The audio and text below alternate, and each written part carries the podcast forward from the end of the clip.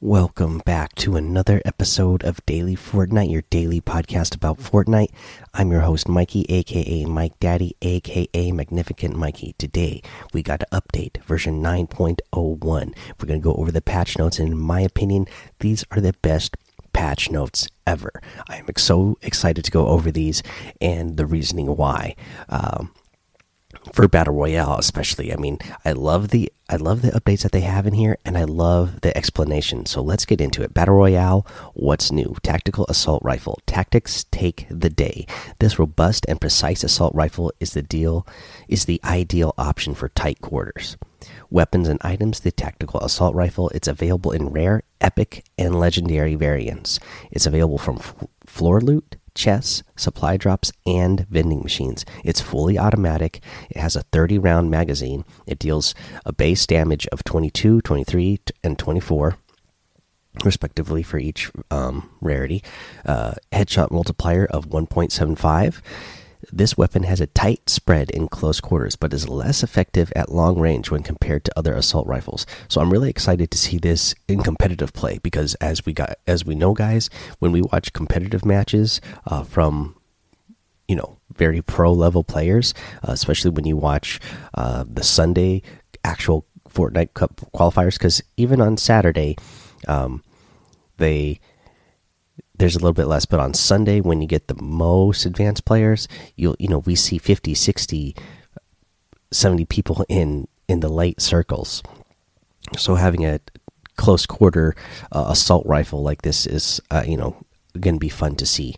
Uh, so they reduced the baller health from 200 to 150 and here's the reason why I am loving these patch notes. We get an explanation, full transparency on why they're making cha changes. So here's the explanation. The primary goal of the baller is to provide fun and exciting mobility. We feel that it still has a little too much def defensive agency.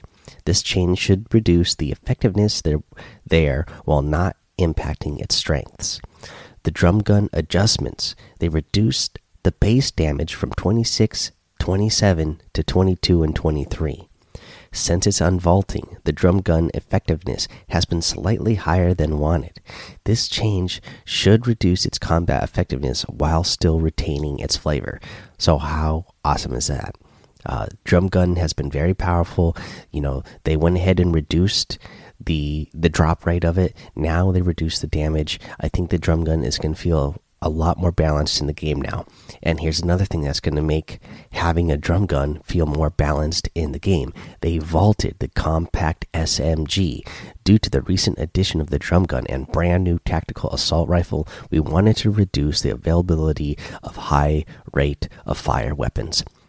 Man, I am loving these patch notes. Not only not only did they add a great item, not only did they make great adjustments, but we get great explanations for those adjustments. Uh, just beautiful patch. Okay, gameplay, slipstream adjustments. Slipstreams no longer block building.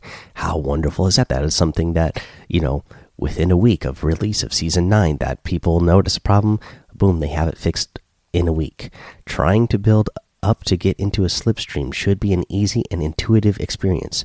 We noticed some cases where players would jump up into the slipstream, but due to build restrictions, would take a leap of faith and not make the jump. This should make getting into a slipstream easier. So, guys, you can build into the slipstream now and get onto it that way. No longer uh, are you building that your builds stop after a certain point and then you go okay i think i'm close enough to jump in. You jump off and then you end up taking fall damage or if you're high enough up and you've taken damage already you end up dying.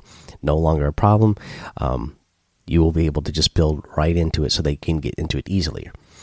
But so here we go. Players flying in a slipstream will destroy your play uh, player built objects when they collide. So, uh, you know, if you're in the slipstream and you see a player build there, you can uh, run right into it and it'll break that build down if it's in the slipstream.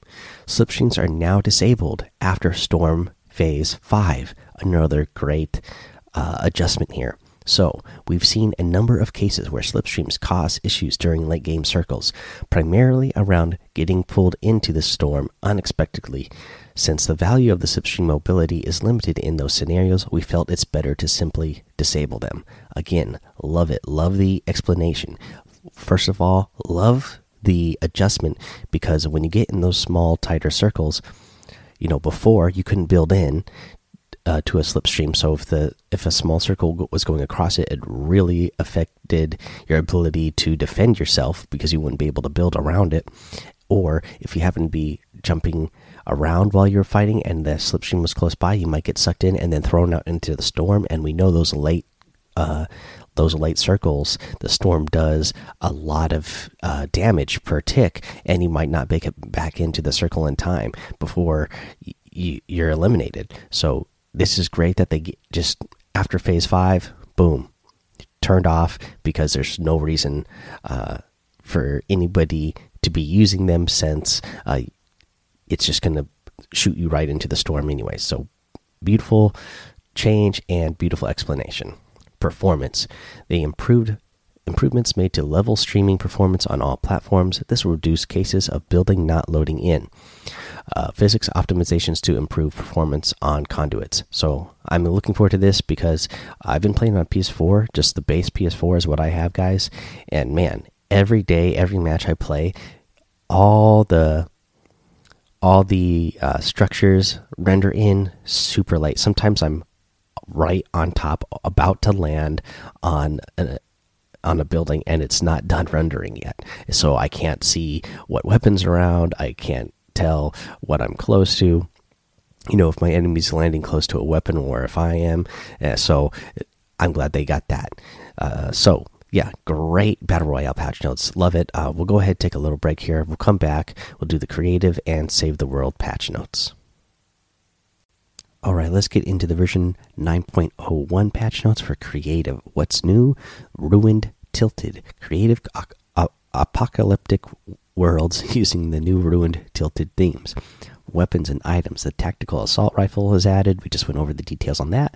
For prefabs, they have seven new themes ruined shops, uh, ruined twin apartments, ruined L apartments, ruined red apartments, ruined fish apartments, ruined basketball court, ruined clock tower.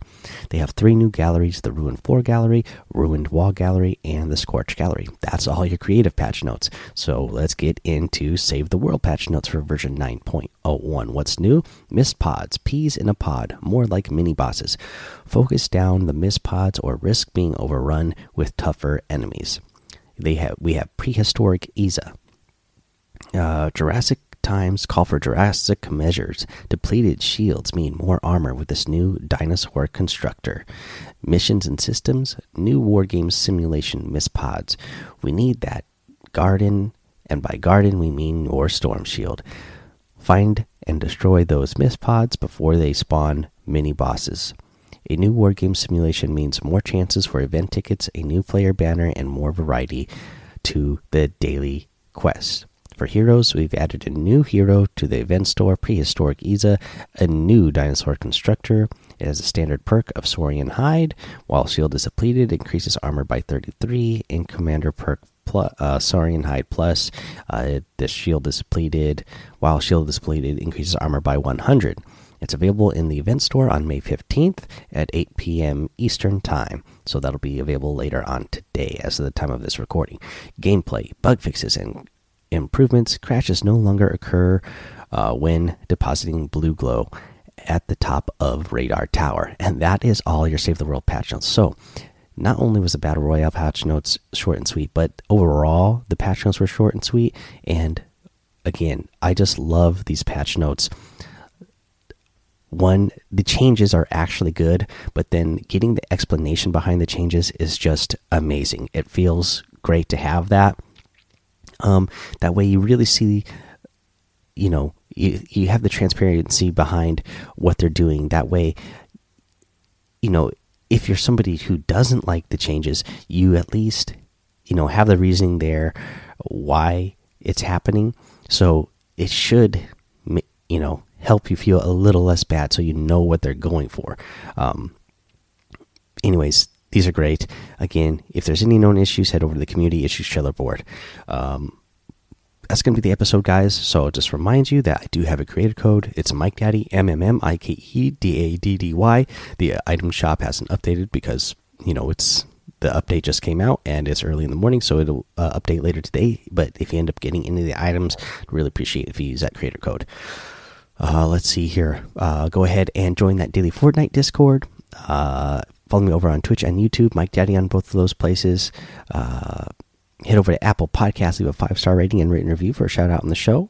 Uh, make sure you subscribe uh, so you don't miss an episode. And until next time, guys, have fun, be safe, and don't get lost in the storm.